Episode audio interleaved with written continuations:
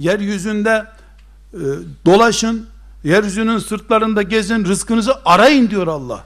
Cuma, cuma namazı var ya, cuma namazında ezan okunduktan sonra dükkan açmak, çalışıp para kazanmak haramdır.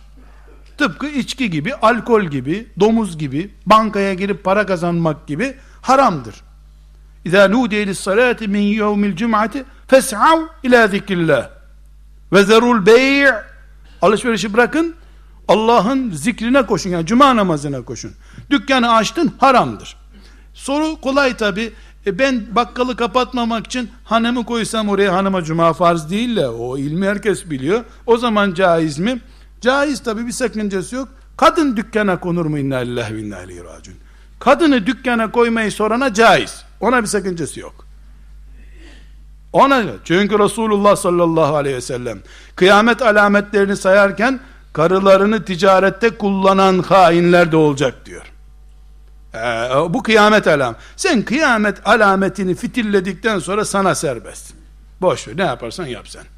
Ondan sonra cuma ayetinden sonra cumayı kıldınız haydi gidin rızkınıza devam edin Allah buyuruyor. Haydi helal olsun şimdi. Şimdi çalışın. Bu yüzden cuma Müslümanların tatilidir filan diyenler bu ayete aykırı şey söylüyorlar. Çünkü Allah Teala cumayı kıldıktan sonra gidin çalışın diyor ne tatili? İnşallah tatili cennette yapacağız. Hurilerle, dostlarla, Ömerlerle, Alilerle bayram edip tatil yapacağız orada inşallah. Tatili ne edeyim ben? Akşama kadar din, yarın işe gidecek olduktan sonra bugün tatil yapsan ne olacak? Bir günlük kandırma, çocuk şekeri gibi bir şey tatil. Demek ki kardeşler biz Rabbimizin rızkını sonuna kadar arayacağız, koşacağız.